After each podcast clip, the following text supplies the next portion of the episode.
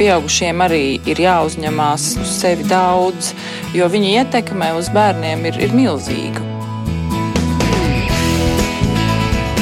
Mēs tiekamies ģimenes studijā.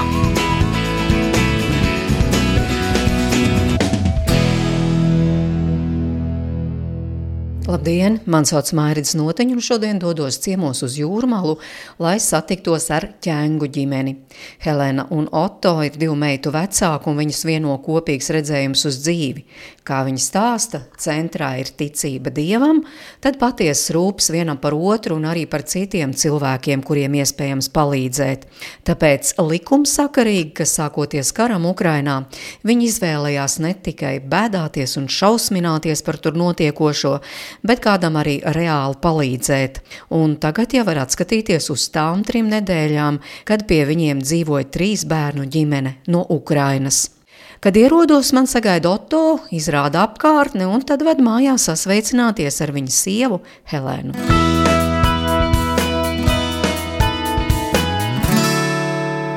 Tad, tad pagalmiņš, divas mazas mājiņas. Šeit man mamma dzīvo, šeit mēs dzīvojam mūsu ģimeni ar sievu un bērniem. Nu redz, un tad terasīt kur vasarās vēl dzēties. Un visapkārt mežs, un uh, tagad jau vēl jau vairāk putni čivino. Vai ne? Kluss un mierīgs. Jā. Labdien! Jūs tad esat Helēna, jā? Helēna, Prieks jā. iepazīties!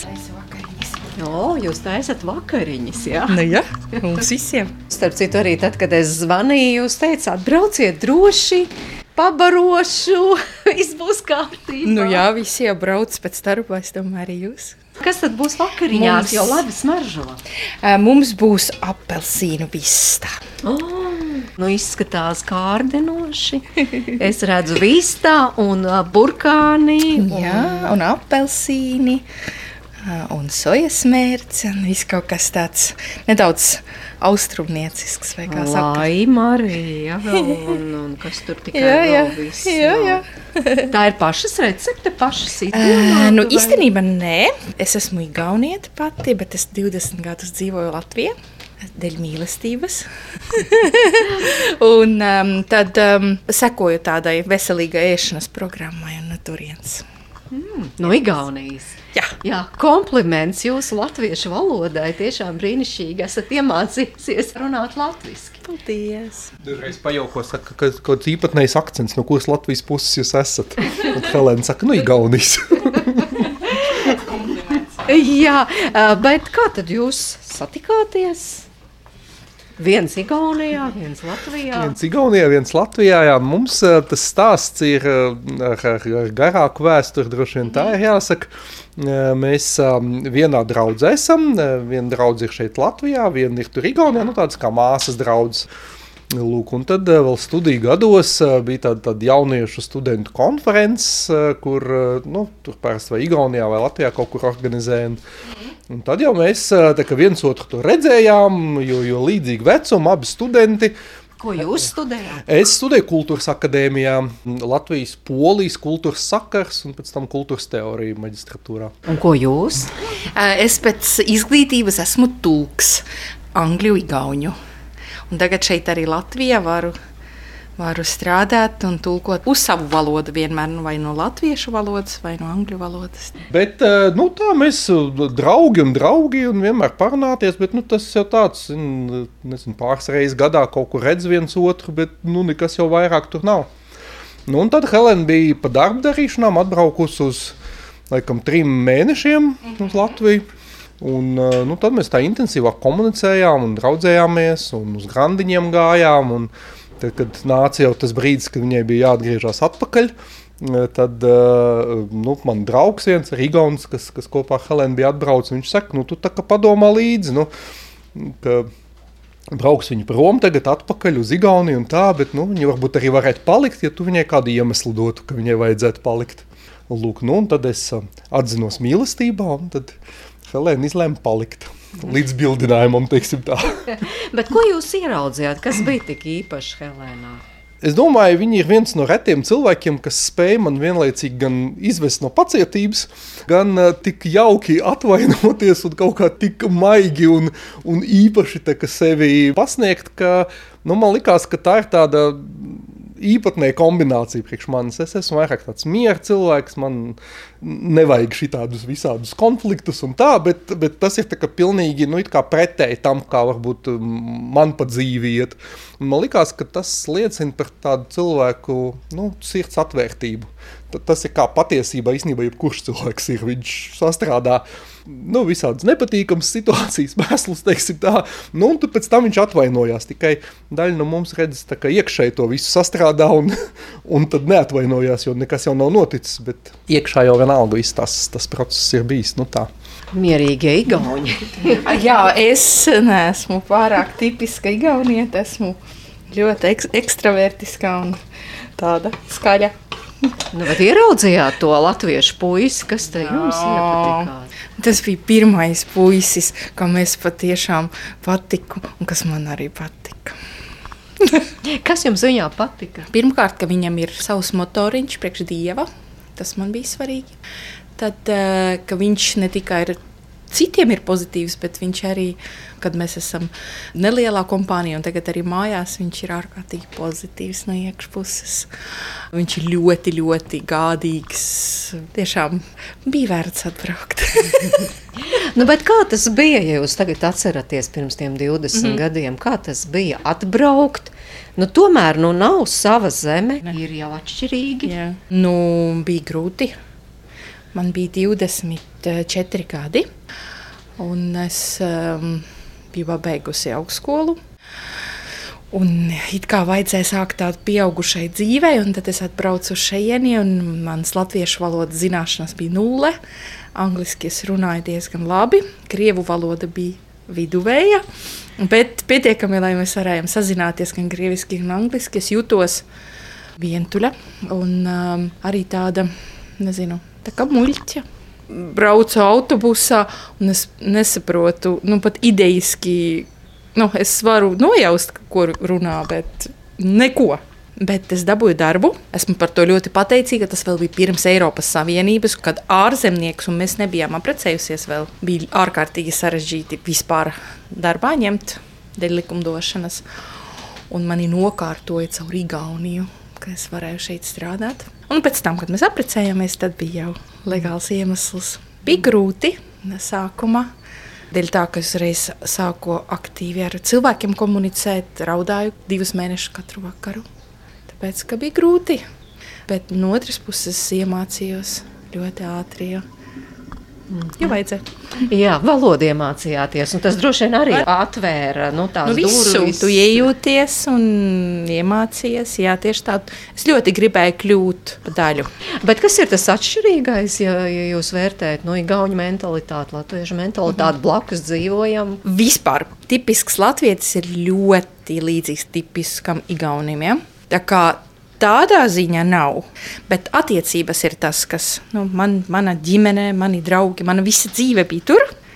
Un tagad vajadzēja sākt no nulles. Tā kā es teiktu, ka, protams, mēs nākam no vienas Viena reģiona. Ir reģiona, mums ir mm. līdzīga vēsture. Livonija gal galā. Bet uh, jūs par to draugu runājāt. Uh -huh. Kas tā ir par draugu? Uh -huh. Mēs esam Rīgas Kristus draugs. Jā, joprojām esam. Un darbojāmies. Kā jūs tur darbojaties? nu, dažādi muzicējam. Es dziedu, es spēlēju klavieres, un ģitāru, un ukulēli. Un, uh, ar bērniem, kad īpaši bija mazāki, mums ir svētdienas skoliņas, tur un atbalstam, lasam Bībeli. To var par sevi stāstīt. Jā. Es dažreiz ar sprediķiem arī uzstājos. Tā, nu, mums tur tā, tā sistēma ir, ka visi pieredzējuši teiksim, draugus locekļi var ik pa brīdim ar sprediķu uzstāties. Nu, no Bībeles, no teiksim, savas kaut kādas pieredzes, savas pārliecības stāstus. Ko tas jums dod? Zin kā, tas pat nav, ko tas kā, man dod tik daudz. Nu, tā ir tā kā, nu, tā kā iekšēja nepieciešamība, varbūt tu apzināties, ka nu, ka ir radītājs, kurš vēlās attiecības ar, ar saviem cilvēkiem. Nu, kā, tas ir jautājums bērnam, nu, ko tev dod vecāki. nu, kā, nu, viņi ir un, un tik daudz, ko viņi dod, un visu viņi dod kaut kādā ziņā. Ja? Nu, arī mūsu attiecībās es domāju, ka tas ir nu, tas, kas mums pa īstam vieno. jo mums ir vienādas vērtības un mēs, uh, kā lai saka, priecājamies un raudājam kopā. Un tās jūsu vērtības, kas tās būtu, jūsu Nu. ģimenes vērtības? Um, no mūsu ģimenes vērtības ir tāds, ka Dievs ir pirmajā vietā, un, un nākamais, ka tuvākie cilvēki, ka, ka mēs rūpējamies par viņiem, protams, sākumā par savu ģimeni, un pēc tam par tiem, kas mums ir tuvumā. Es ticu, ka es varu izmainīt uh, vienam cilvēkam kaut ko darīt, tad tas jau ir ļoti labi. Kamēr runāja ar Helēnu un Otto, viesistabā ienāk arī abu meitas, varam sasveicināties un nedaudz aprunāties. Mani sauc Zara. Man ir astoņi gadi. Mani sauc Šarlota, ar abortu beigās. un man ir 12, bet pēc divām nedēļām jau būs 13. Tāpēc.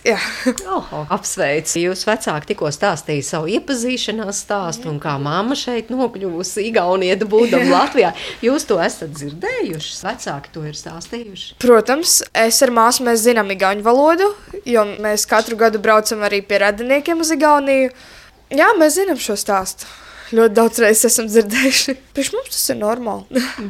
Bet kāda te jums ir tā ikdiena? Jo tiešām es arī braucu, un man bija interesanti, jo es nebiju šeit bijusi, un tas tā kā it kā jūrmāla, un tomēr nostāk visapkārt mežs. Kā jūs tiekat uz skolu, piemēram? Um, kā tas ir? Jaunākās klases man jāizveda ar mašīnu, jo uh, no skolas mums ir uh, diezgan tālu. Ar kājām būtu kaut kāds pusstunda. Bet tad parasti mēs braucam ar autobusu. Bet ir to vērts, vai Jā. ne? Te pie dabas dzīve. Jā, tā ir klusa un patīkami. Kas jums vēl ir svarīgs jūsu dzīvē? Es vecāki runāja par šo draugu, tā viņi arī satikās, un tas joprojām ir tas svarīgākais. Es saprotu, kas jums ir vēl svarīgs ārpus skolas. Nu, arī draugs gan jau, nu, man vismaz personīgi.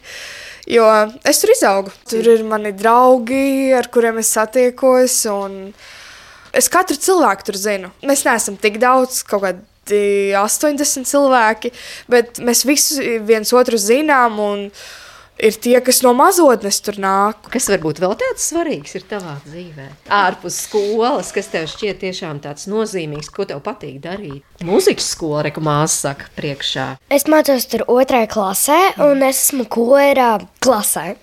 Un, uh, es vēl mācos klavieres un solo dziedāšanu. Tā kā mūzika, tad jums arī visiem Jā, ir tāda mīlestība. Izņemot nemāk dziedāt. tēt. Viņš nemāk dziedāt. Labi, bet tad, jū, tad jūs. Bet mēs, jā. Es arī mācos mūzikas skolā, klavieru klasē. Helēna arī mācījās, bet viņas mazā pilsētā nebija mūzikas skolas, bet viņa vienkārši mācījās klavierus. Nu, jā, mums muzikāla ģimene, teiksim tā. Mums patīk. Mēs daudz, daudz dziedam, mašīnā dziedam, kaut kur braucam. O, o to mamma teica, ka viņa nezināja, ko nozīmē tādā ģimene būt, kur ir. Arī ka konfliktiņi sanāk, jo nevienmēr visiem sakrīt garstāvoklis un idejas, kā labāk. Bet Muzikāla gaume. Nu, tad jūs arī esat tomēr iemācījies dziedāt. Jā, arī kā meitas teica, ka nē, teica, tā kā nē. Ne, Es jau vienmēr esmu dziedājis, vienkārši citiem nepatīk, kad es dziedu, bet man jau pašam liekas, ka ir perfekti. traki. Nav, nav ļoti traki. Bet Šūpuļu dziesmas parasti dziedājis meitenēm pirms gulētiešanas. Tas gan, Kādreiz, nu, tagad jau droši nu, vien tagad jau mazāk. Jā, jā.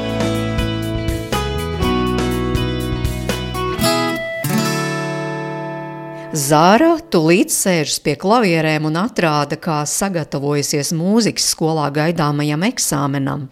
Man ir vienkārši eksāmenis uh, otrdien. Es tagad spēlēšu Música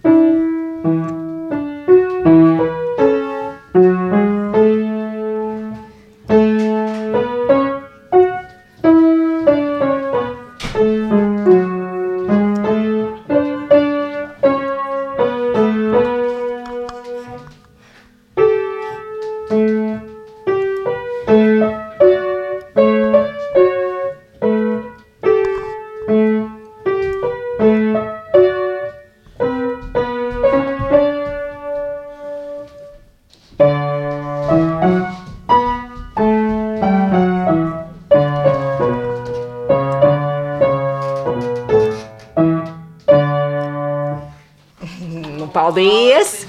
Kā tev šķiet, kā tu esi sagatavojusies? Kā tu sev novērtē? Es sevi novērtēju, ka es labi nospēlēju. Acīm redzot, man būtu vai nu devītnieks, vai astotnieks. Nu, tad es tev to arī novēlu.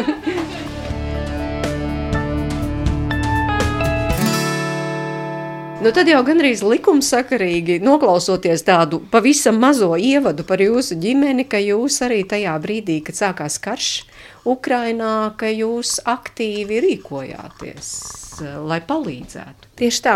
Mēs izlēmām to, ka mēs varbūt nevaram uh, palīdzēt daudziem, bet mēs varam kādam.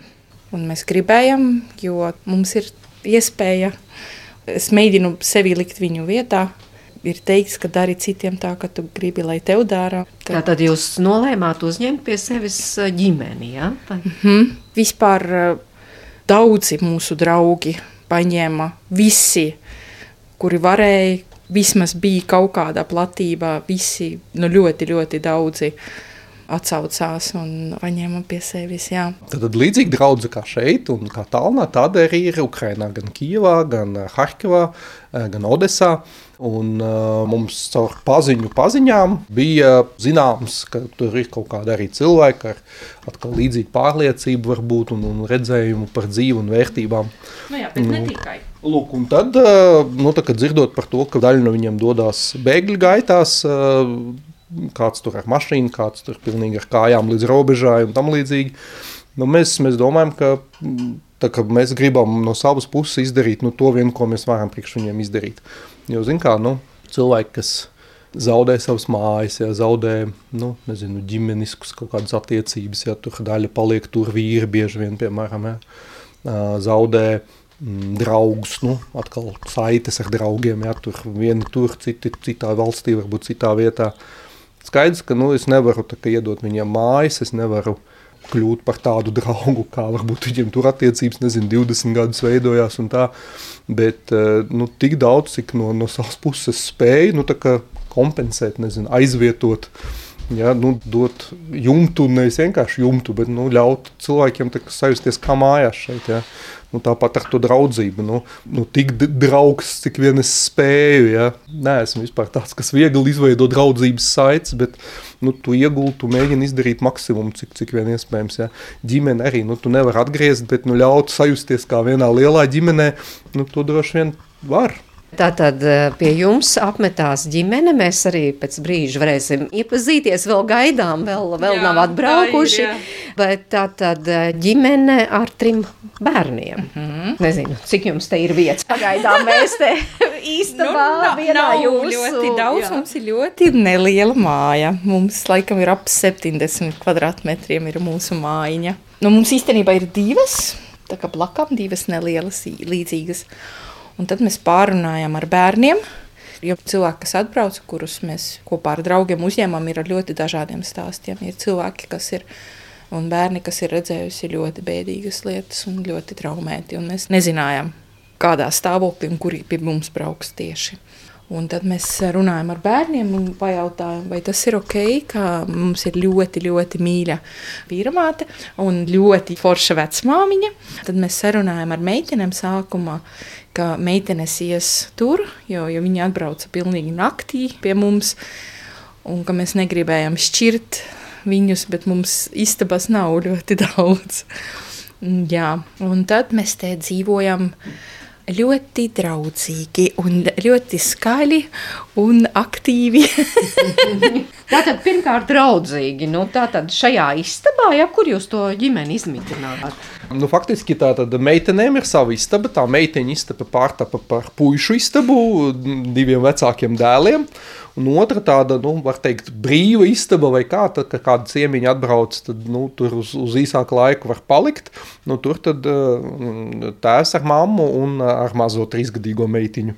Mhm. Viņi bija, nu, mēs palikām savā mājā. Šitā bija tāda viesistaba, kur uh, var atnākt nevienam netraucējot, teiksim tā. Nu, nē, nu, otrādāk, šeit viss notiek. Ēšana, spēlēšana, labi, mums visādas mantiņas vēl bija, jo acīm redzami mums vairs nav trīs gadnieki. un uh, vis, visu sameklējam un šeit arī strādājam. Un, um, viņi diezgan ātri arī sāka meklēt darbu. Un bija paši arī ļoti ar tādu foršu iniciatīvu. Un... Mm -hmm. Jā, līdz tam mēs nonāksim. Jā. Bet es gribu meitenēm paprasīt, vecākiem mm -hmm. jautāju, ko jūs sakāt par šo. Nu, jā, sākumā mēs nesapratām kā, līdz galam, kas notiks tagad. Kad, nu, tas bija negaidīti. Mēs bijām ar mieru. Mēs sapratām, kāpēc tas notiek un ka viņiem tas ir vairāk vajadzīgs. Uh, Tā kā nebija jau tik traki īstenībā. Pie mums arī vecāki dažreiz nāca un tur sarunājās ar mums. Vienkārši. Jūs ar vecmāmiņu dzīvojāt. Jā, jā. Vienkārši tā kontakta vairs nebija tik daudz. Bet, nu, ar vecākiem? Jā. Mm -hmm. Vecāki bija aizņemti ar ciemiņiem, tā var teikt. Jā, jā gan jau.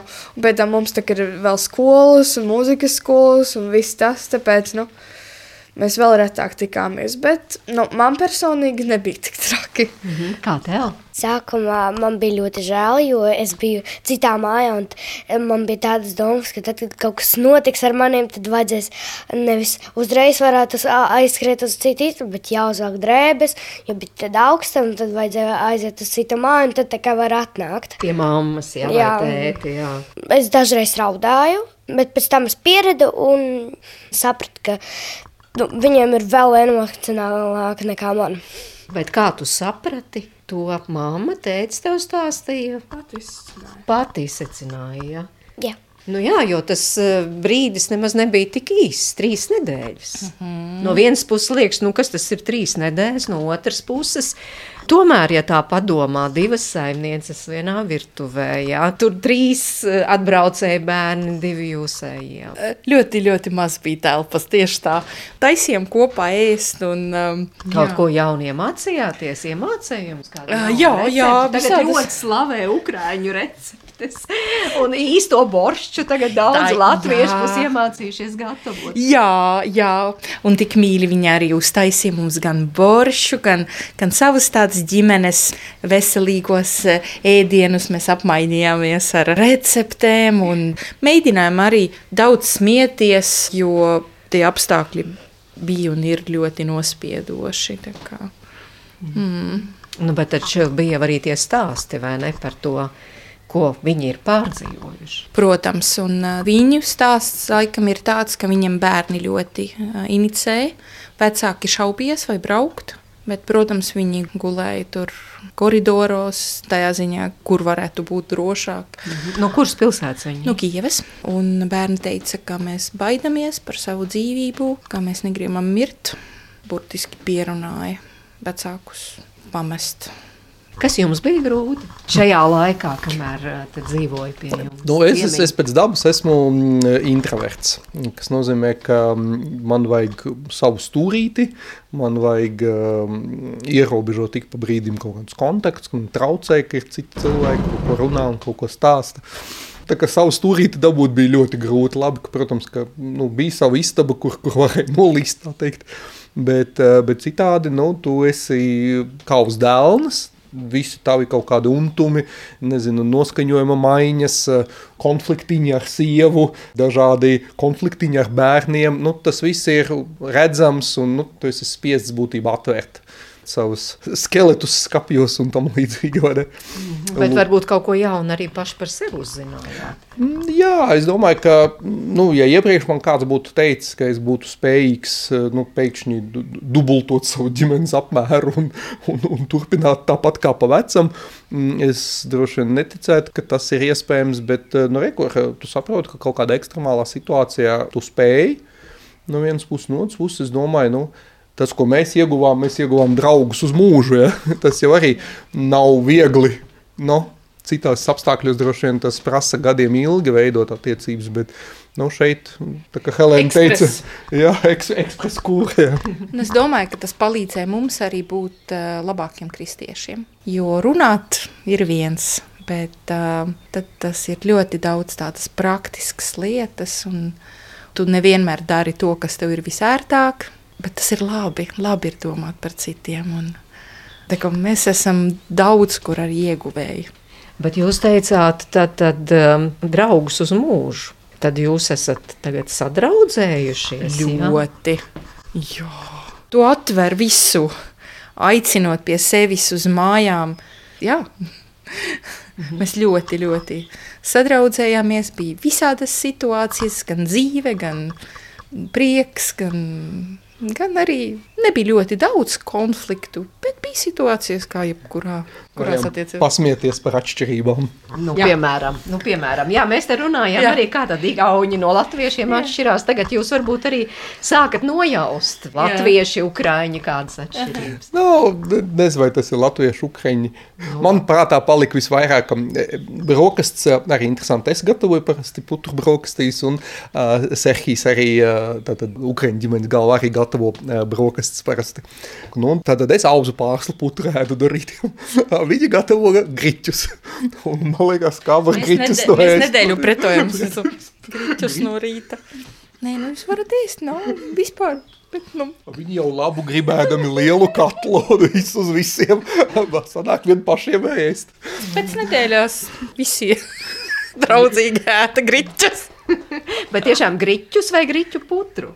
Jā, jā, griķus, izvārīts griķus teiksim, varbūt dažreiz Ukrāņi var būt, ka viņi ir tādi ļoti viņam stiprs viedoklis, un viņi negribot, varbūt nāk tavā mājā un grib pateikt, kā tev labāk dzīvot. Tad Tad um, mūsu gadījumā tiešām mēs centāmies būt ļoti cienpilnīgi pret viņiem, saprast un iemācīties un otrādāk. Es, es jūtu tādu lielu atbalstu viens no otram. Jā, prasa arī bērniem, meitenēm. Jā. Jūs arī sadraudzējāties. Man personīgi smieklīgi iznāca, ka vecākais dēls ir par četriem gadiem vecāks, ja viņam ir 17. Jaunākajam dēlam ir desmit gadi. Un tad man baigi tik labi neiznāca ne ar vienu, ne ar otru sadraudzēties. Pirmkārt, jo tie bija zēni, otrkārt, jo bija starpība vecumā, bet nu, kaut kāds kontakts jau bija. Nezinu, sarunājāmies, jokojām, spēlējāmies. Es sadraudzējos ar desmitgadīgo puisi. Kā viņu sauc? Timurs. Sākumā es kautrējos, jau no Krievijas, man liekas, mums eh, draugi, uh, nu, draugi bija senāk. Un es baidījos, ka būs tāpat, bet uh, pēc tam, tad, kad es sapratu, ar ko viņš nodarbojas, kā, un tad uh, sapratu, ka mēs varam būt draugi. Ar ko viņš nodarbojas? Viņam patīk video spēles. Viņš teica, un viņam patīk futbols, man liekas. Jā. Viņi abi ir aktīvi un jautri. Tas jau uzreiz bija saprotams, ka viņi būs draugi. Vienkārši pēc rakstura tādi aktīvi un pozitīvi. Jā, un ko jūs kopā darījāt? Mēs dažreiz spēlējām UNO. Nu, galdu spēli. Dažreiz vienkārši ārā izgājām, paspēlējām, vai nu tur, nezinu, tur futbolu, vai nu ķērenes, vai nu paslēpes. Dažreiz video spēles gājām pie vecmāmiņas. Viņai ir video spēles, un tur spēlējām kaut ko. Viņi ir citādāki kaut kādā ziņā. Viņi ir cilvēki. Labi, tas bija skaidrs no paša sākuma. Es domāju, ka nav tādas kaut kādas lielas starpības starp mums. Jā, varbūt bija sākumā nepieraudoši visu laiku runāt krievu valodā. Jūs varat runāt krievu valodā, jā? Jā, jā, jā, jā. mums radinieki ir no Krievijas arī vecmāmiņa. Tāpēc mēs sarunājāmies krievu valodā arī. Tā kā nebija tādas baigi lielas atšķirības. Bet par karu runājāt jūs bērni savā starpā? Nē. Es domāju, ja viņi vēlētos kaut ko pastāstīt, tad viņi to pateiktu. Bet, nu, mēs esam meitenes, mēs esam jaunākas, un es saprotu, kāpēc viņi to neizdarīja, un es to pieņēmu. Viņi arī atrada cilvēkus, ar kuriem parunāties. Tā maza trīsgadīga meitene. Sākumā viņa kautrējās, bet pēc tam mēs sadraudzējāmies. Viņa visu laiku gribēja, lai es ar viņu paspēlētos, paspēlētos pēc skolas, tad, tad, kad es nāku. Jo viņa gaidīja, gaidīja mani. Sāku spēlēties, bet tad, kad nogurām, viņa uh, vēl, vēl gribēja. Es tādu nogurus un mēģināju kaut kā pateikt, ka tu līdās, līdās. Bet uh, pēc tam, tad, kad viņi aizbrauca, es uh, sapratu, ka tāpat uh, jūtās mana māsa. Jo viņa ir tāda pati kā es, tikai ar maniem, nevis ar kaut kādu mazu.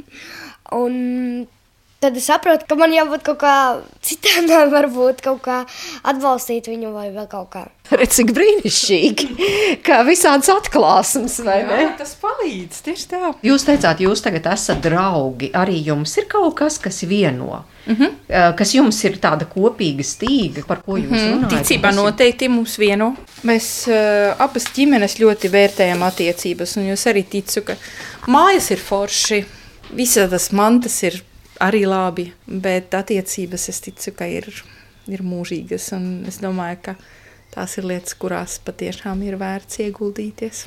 Esam gan runājušies, un Zara gatava savam nākamajam priekšnesumam. Šoreiz tā būs dziesma. Gribu ātrāk liela kļūt.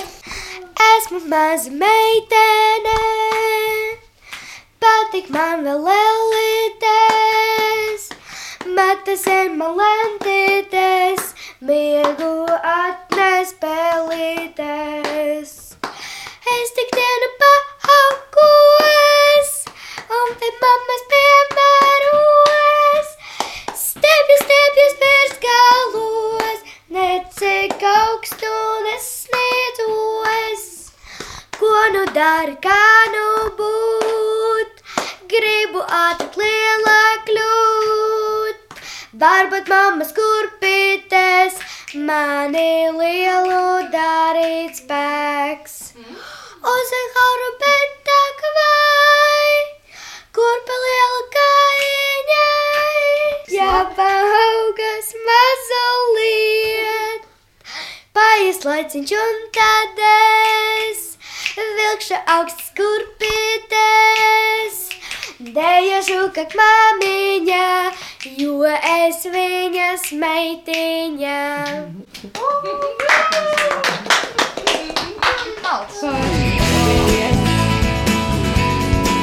Mēs tiekamies ģimenes studijā. Atgādinu, šodien ģimenes studija ciemojas pie ķēngu ģimenes. Sarunā piedalās Helēna un Oto, un arī viņu meitas Zara un Šarlota. Un ir ieradusies arī Posternaku ģimene - Serhijas un Jeļena, un arī viņu bērni Andrijs, Timurs un Bogdana. Jā, es saprotu, tagad ir atbraukuši jūsu ukrāņu draugi, jo nu jau viņi dzīvo savā dzīvoklī. Mm -hmm. jā, viņi vairs nedzīvo pie jums. Mm -hmm, tā ir. Jā. Viņi aktīvi arī paši meklēja. Bija cilvēki, kas bija gatavi palīdzēt, un tad ar kopējiem spēkiem atrada jauku dzīvokli Rīgā. Arī tāds interesants stāsts nebija ar pirmo piegājienu. Dzīvokļus šobrīd ir, nu, un arī pirms mēneša bija ļoti grūti īrēt. Mhm. Un, uh, tas, ka viņi atrada tik ātri īstenībā, un viņiem sākumā teica, ne, mums jau ir īrnieki. Teica, nu, labi, nu, kā, jāmeklē tālāk.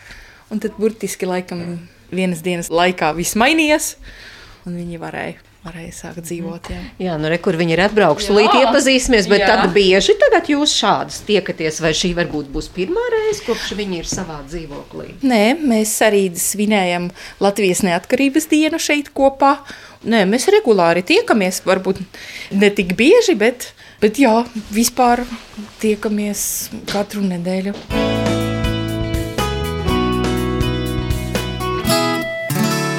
Mani sauc Sergio. Добрый день. Labdien, kā jūs sauc? Как вас звать? Елена. Очень приятно. Пока вас ждали, мы... Kamēr mēs jūs gaidījām, mēs atcerējāmies, kā tas bija, kā jūs satikāties ar šo ģimeni, kā jūs to atceraties. Ой, я помню, это поздний вечер, мы устали. Es atceros, bija ļoti vēls vakars. Mēs bijām ļoti noguruši. Mēs ilgi braucām. Gandrīz pusotru tūkstošu kilometru, kamēr atbraucām. Bija jau tumšs nakts, kad atbraucām, ieraudzījām Otto un Helēnu. Viņi stāvēja uz mājas sliekšņa. Rokās viņiem bija puķu pušķis, un tas bija patīkami. Bija pat priecīgi. Sagaidīja mūs kā kādus radiniekus, tāpēc atceros, ka tiešām pārņēma liels prieks un laime. Reizē liels nogurums un liels prieks. No Kijavas mēs šurp braucām septiņas dienas caur Rumāniju, Slovākiju, Poliju tad cauri Lietuvai, un tad jau nokļuvām arī Latvijā. Kāpēc izvēlējāties palikt tieši Latvijā? Otto ir mans draugs. Mēs kādreiz ļoti sen esam tikušies šeit Rīgā. Tiesa tikai vienu reizi, un mēs ļoti cerējām, ka neesam aizmirsti. Un izrādījās, ka tā tiešām bija. Iedomājos tādu ainiņu. Ir magnetofons un ir taustiņš pauze, un mūsu attiecības daudzu gadu garumā laukumā, bija uz pauzes, bet, kad ieraudzījām viens otru, visi iemirdzējās tādās spilgtās krāsās un tiešām bija ļoti patīkami. Jūs ķēngu ģimenē dzīvojāt trīs nedēļas, no vienas puses tas ir ļoti patīkami, ka tevi uzņēma no otras puses nav nemaz tik viegli. Kā jūs atceraties šo laiku? Droši vien, ka viegli nebija mājas saimniekiem, jo trīs nedēļas savās mājās izturēt faktiski svešus cilvēkus, tur vajadzīga patiešām ļoti liela pacietība. Mēs viņiem esam ļoti pateicīgi, jo, ja nebūtu viņu lielās pacietības, tas būtu daudz, daudz grūtāk. Viņi mūsu uzņemšanā ielika visu savu sirdi, visus pūliņus, un mēs jutāmies kā viena ģimene. Viņi mūs uzreiz brīdināja, mēs esam liela ģimene, mums viss ir kopējs, neko sev neatsakiet. Viņi pat neļāva mums tērēt naudu no tā minimuma, cik mums bija. Viņi visu laiku teica, jums pašiem tas noderēs, kad dzīvosiet atsevišķi. Viņi mums neļāva pirkt nekādus produktus, neko. Viņi mums deva ēst un dzert visur, vēdā aiz rociņas. Mēs jutāmies kā dieva azotē.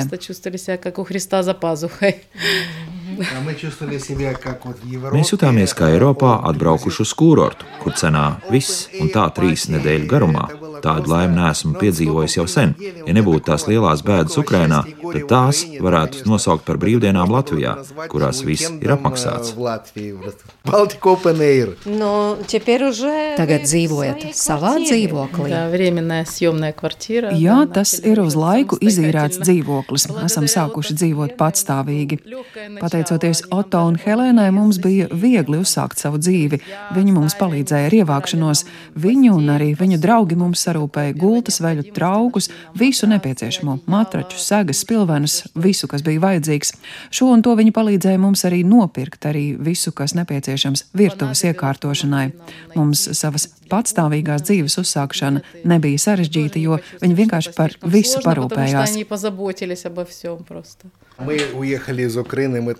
Kad atbraucām no Ukrainas, mēs, protams, tur visu atstājām. Esam ļoti pateicīgi Latvijai, pateicīgi arī Jurmalai un Rīgai, jo visi cilvēki, kurus sastapām, bija ļoti atsaucīgi, visādi mums palīdzēja. Deva īpašas kartes, kas ļauj bez maksas iepirkties veikalos Lidl un Maxima, arī iespēju par noteiktu summu iepirkties aptiekā. Tas mums ļoti palīdzēja. Tā kā mums nebija nekādu ienākumu un jāparūpējas par trim bērniem, tad šī palīdzība bija tieši laikā un mums patiešām ļoti nepieciešama. Un, protams, Otto un Helēnas mīlestība un pacietība. Mēs esam liela ģimene, mums ir trīs bērni. Mēs esam ļoti emocionāli, mēs esam no dienvidiem. Mēs, piemēram, vēlāk liekamies gulēt, un tad, kad mēs ejam gulēt, tad ir liels troksnis. Bērni pretojas, viņi var kliegt. Mēs tā vienkārši sazināmies. Citi domā, ka mēs kliedzam, bet mums tā vienkārši ir saziņa savā starpā. Mūsu jaunākā meitiņa Bogdana, viņai ir trīs gadi. Viņa ļoti grib ar visiem kontaktēties. Viņa ik pa laikam gribēja paskatīties, kas notiek saimnieku istabā, gribēja tur iekļūt. Un es tiešām esmu ļoti pateicīgs par pacietību. Un patiešām brīnos, kā viņi mūs neizdzina no mājas jau pēc divām dienām. Es gribu pajautāt arī puišiem, kā viņi atcer šo laiku, šīs trīs nedēļas, kad dzīvojāt kā viena liela ģimene. Nu, было. Nu, чувство было, как будто реально дома. Bija tiešām forši. Jutos kā mājās. Bija tāda sajūta, ka esam viena ģimene. Nebija tādas sajūtas, ka esam šeit tikai tā vienkārši iemitināti. It kā esam pie sevis mājās un dzīvojam kā viena liela ģimene. Par mums forši rūpējās, labi kopā pavadījām laiku, nebija nekādu grūtību, jutos komfortabli. Forši bija, ka mums ierādīja istabas. Mēs ar brāli dzīvojām vienā istabā. Viss bija labi. Kopā brokastojām, kopā pavadījām laiku. Viss bija labi. Kaut arī Timurs ļoti vēlējās stāstīt par piedzīvoto, tomēr samulst, tāpēc par to, kas viņam patika, stāsta viņa mamma Ieļena. Он очень музыкальный парень у нас, он пытался на скрипке. Viņš mums ir ļoti muzikāls puisis. Gadu mācījās vijoļu spēli, arī kad bija mazs, visu laiku gribēja spēlēties ar maziem bērniem domātiem mūzikas instrumentiem.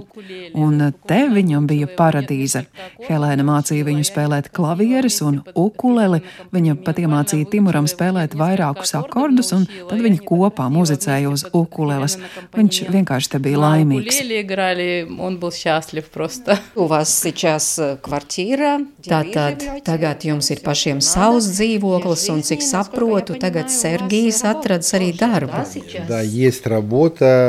Jā, tagad man ir arī darbs. Pateicoties tam, ka mēs daudz kontaktējamies ar latviešiem. Oto ir daudz draugu, ir arī Facebook.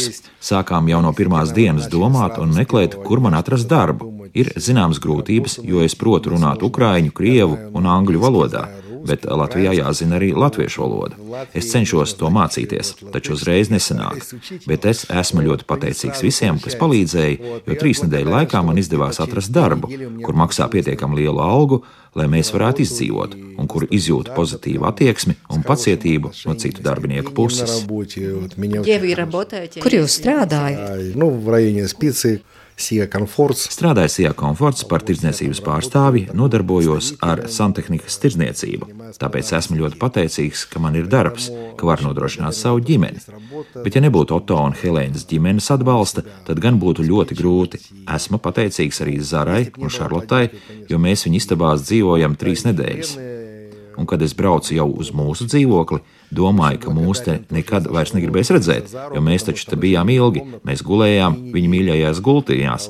Tas ir liels upuris, bet kad mēs atkal satikāmies, visi bija priecīgi. Tas nozīmē, ka laikam jau viņi nemaz nebija tik ļoti apvainojušies. Tā kā, ja šī ģimene mūs nebūtu tā uzņēmusi, es nezinu, kā mēs to visu izturētu. Uzteicams ir arī Latvijas atbalsts. It kā neliela atbalsta nauda, kaut kādas mantas, bet tas viss tik ļoti no sirds, ka jūties te kā mājās. Ir tāda sajūta, Dievs par mums ir parūpējies.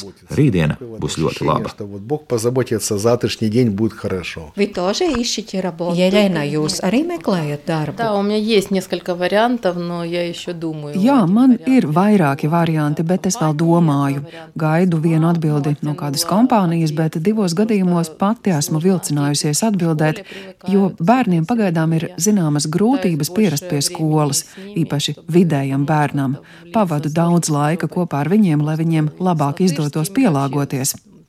Palīdzu bērniem arī ar mācībām, ar latviešu valodas mācīšanos, pārvarēt traumu, ka esam pametuši mājas un pārcēlušies. Viņi vēlas atgriezties Ukrajinā, viņi negrib šeit iet uz skolu. Visi šie jautājumi man kā mammai prioritāri tos atrisināt un pēc tam domāt, kur strādāt. Как насчет школы? Kādu skolu jūs apmeklējat? Nu, на данный момент я учусь у себя онлайн. Šobrīd es mācos savā skolā Ukrainā attālināti. Te es divas nedēļas gāju uz vietējo skolu. Tomēr izlēmu, ka man būs daudz ērtāk tiešsaistē. Jo sarežģīti ir tas, ka mums ir 11 klases, bet te 12. Te es sāku mācīties 11. klasē, bet konstatēju, ka daudz no tā vēl neesmu mācījies. Tāpēc, ja apmeklēšu skolu šeit, Latvijā, tad loģiskāk būs nākamajā mācību gadā vēlreiz mācīties 11. klasē. Tāpēc es izlēmu, ka šo mācību gadu labāk pabeigšu savā skolā. Kurā skolā tu, Timur, tagad mācies? Es it kā 74. skolā un 4. klasē. Nu, Kādā valodā mācības notiek? Krievu valodā. Выбрали, ну, во-первых, ближе к дому, да, ну и выбрали на русском. Mēs izvēlējāmies skolu tuvāk mājām un skolu, kurā mācības galvenokārt notiek krievu valodā, jo viņiem uzreiz būtu ļoti grūti mācīties latviešu valodā. Mūsu draugu bērni ir izvēlējušies arī skolas, kurās mācības notiek latviešu. Būtu labi, ja būtu kāds adaptācijas laiks vai īpaša programma Ukrāņu bērniem, tad varētu arī iet uz latviešu skolu. Taču mēs esam ieradušies mācību gada pašā izskaņā, un viņam jau būtu arī grūti tagad tā uzreiz iejusties jaunā kolektīvā. Tāpēc pagaidām iet uz mazākumu tautību skolu, un tad jau redzēsim, kā viņam veiksies ar latviešu valodas apgūli. Вы говорили, что дети хотят обратно. Jūs teicāt, ka bērni grib atgriezties Ukrainā, grib mājās. Vai jūs zināt, kas noticis ar jūsu dzīvokli vai māju, kurā jūs dzīvojāt? Ну, насколько я знаю, что вроде бы э, квартира целая. Cik man zināms, it kā ar dzīvokli viss ir kārtībā. Paldies Dievam, māja, kurā dzīvojam, nav cietusi. Bet tas, kas joprojām ir grūti, apšaudas jau turpinās. Raķetes lido virs Kievas. Ļoti grūti arī ar darbu. Šobrīd praktiski nav kur strādāt. Kara sākumā pametām mājas, jo tur nebija droši, un nekas jau nav mainījies arī šobrīd. ir, protams, labāk nekā pirms mēneša, bet apšaudas turpinās, un ģimenes drošība ir mūsu prioritāte. Nu, bet jūs taču sekojat līdzi, kas Ukrainā notiek, sazināties ar draugiem, kā jāiet. Да, конечно, ну, смотрим, общаемся, переживаем. Protams, skatāmies, sazināmies, pārdzīvojam. Lūdzamies, lai tas viss ātrāk beigtos un beidzot iestātos miers. Taču redzam, ka kaut kad varēsim atgriezties, lai gan mums ļoti patīk arī šeit, Latvijā. Ja mūs no šejienes nedzīs ārā, tad labprāt te vēl padzīvosim. Kamēr karš beigsies, centīsimies būt labi ukrāņi vai latvieši, lai īpaši neatšķirtos no vietējiem iedzīvotājiem un gribētos arī būt noderīgiem šai valstī. Esam pateicīgi, esam ieradušies no citas valsts, neviens mums neko nav parādā. Par visu palīdzību esam pateicīgi. Tas mums ir kā bonus šai situācijā. Izbraucot no savas valsts bez naudas, bez mantām, bez nekā, tikai ar dokumentiem un ar pašu nepieciešamāko, mēs visu laiku esam jutuši pastāvīgas rūpes, un tagad nokļuvām Latvijā, tikām nodrošināti ar visu nepieciešamo. Mums nav nekādu pretenziju, īpašu uztraukumu vai īpašu vēlmju. Mēs braucām, un Dievs mums palīdzēja te un visā mūsu ceļā. Здесь и ну, на всем пути, которым мы ехали. Как вы думаете? Kā jūs domājat, kas tālāk? Nu, mēs visu laiku atbildam uz šo jautājumu, ka mēs dzīvojam tikai šodienai. Tālāko mēs nevaram plānot, jo mēs neesam gaišreģi, lai paredzētu nākotni. Darām to, ko spējam šajos apstākļos. Šobrīd mūsu prioritātes ir adaptēties pašiem, palīdzēt adaptēties bērniem un, kamēr ir tāda iespēja, dzīvot un strādāt šeit. Mēs cenšamies saplūst ar šo sabiedrību un esam pateicīgi gan par palīdzību, gan par tādu iespēju, un tad jau redzēsim, kad iestāsies miers. Ja tas nebūs ātri, tad atgriešanās dzimtenē būs atkal kā jauns sākums. Kad paiet laiks, tā nav atgriešanās, tā atkal ir jauna pārcelšanās. Tas atkal būs grūti, tāpēc, ja mums te patiks un viss izdosies, varbūt mēs te arī paliksim. Bet tur tomēr ir visa jūsu iedzīve un arī radinieki. Radinieki, tas gan. Vecāki, kurus mēs mēģinājām pierunāt braukt uz šejieni, bet viņi to negrib. Tur ir arī mana māsa ar ģimeni, Serhija radinieki. Tas ir pats sāpīgākais, ka tagad dzīvojam tālu prom no radiniekiem. Перед войной, вот перед самым началом, у меня было распланировано. Pirms kara sākuma man bija darba plāni martam un aprīlim, un tajos plānos nebija iecerēta apmeklēt Latviju. Es sagaidīju, ka viss būs citādāk. Es plānoju, ka man būs darbs, komandējumi, braucieni, tikšanās. Tas viss Ukrainā, nevis šeit. Un, kad sākās karš, es neticēju. Teicu sievai, ka rīt karš beigsies un rīt atkal viss būs labi. Bet pēc trīs dienām mēs devāmies bēgļu gaitās, tāpēc tagad ir tāda piesardzība, bailes. Mēs neplānojam nākotni. Bet visā šajā ir arī gaišā puse. Jums tagad ir ļoti labi draugi. Kā jūs skatāties uz Otto, Helēnu, uz viņu ģimeni? Tā ir mūsu kopīgā ģimene. Esam vienojušies, ka to sauksim par mūsu lielo ģimeni. Esam ļoti draudzīgi, palīdzam viens otram un gribētos, lai viņi sajūta sajūt mīlestību, uzmanību, rūpes arī no mūsu puses arī atbalstu. Kaut arī mēs esam dažādu tautību, mēs esam kā radinieki, jo mēs līdzīgi domājam un jūtam, esam uz viena viļņa, un mums kopā ir ļoti viegli. Bet tas jums ir svarīgi, ka jums ir tāda ģimene, uz kuru varat paļauties grūtā brīdī. Jā, tas ir ļoti, ļoti svarīgi, jo mums ir draugi, kuri arī ir šurp atbraukuši, viņi arī dzīvoja ģimenēs, un attiecības viņu starpā nav nemaz nemaz tik labi izveidojušās. Viņi, protams, ir ļoti pateicīgi visiem, kuri uzņēma, bet viņi nav kļuvuši par draugiem, viņiem nav tuvas attiecības. Tāpēc uzskatu, ka mums ļoti paveicās ar šo ģimeni, ka mums ir kopīgi mērķi, intereses, prioritātes, un mēs gribam turpināt tikties, sarakstīties, sazvanīties, un tā mums vienkārši ir ļoti liela dāvana.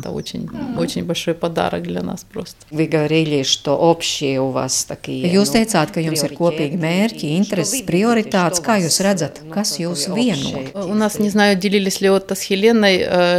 Nezinu, vai Oto un Helēna minēja, ka mūs šeit uzaicināja Kristiešu apvienība. Viņi arī mums ieteica šo ģimeni, kaut arī bijām tikušies tikai vienu reizi pirms 15 gadiem. Tāpēc tas, kas mūs vieno, ir garīgās prioritātes. Mūsu vīri bieži apspriež Bībeli, viņi savā starpā diskutē, kā saprot to vai citu Bībeles fragmentu. Mums ar Helēnu arī interesanti runāt par bērnu audzināšanu, vēlme garīgi atbalstīt citas sievietes, tādas lietas, kas citiem nebūtu svarīgas, bet mums ir, un tas ļoti satuvina. Ja tas bližājot. Да, у нас был страх такой, что вот если мы такие импульсивные, Вот, мы можем очень быстро ну, надоесть. И, вот, Jā, mēs baidījāmies, ka esam tādi impulsīvi un ka mēs varam ļoti ātri apnikt un ka no mums nogurs. Un tad laipni parādīs, lūk, tur ir durvis, ka palūgs tā mīlīgi. Vai jūs lūdzu nevarētu padzīvot kādā citā ģimenē? Bet viss izrādījās tik viegli, nejūt lielas kultūras atšķirības, izņemot, protams, valodu, vietējās tradīcijas bet šīs atšķirības nonivelē rūpes par mums un vēlēšanās mums pakalpot un atdot, ko vien iespējams. Tāpēc jūtamies kā septītajās debesīs. Joprojām.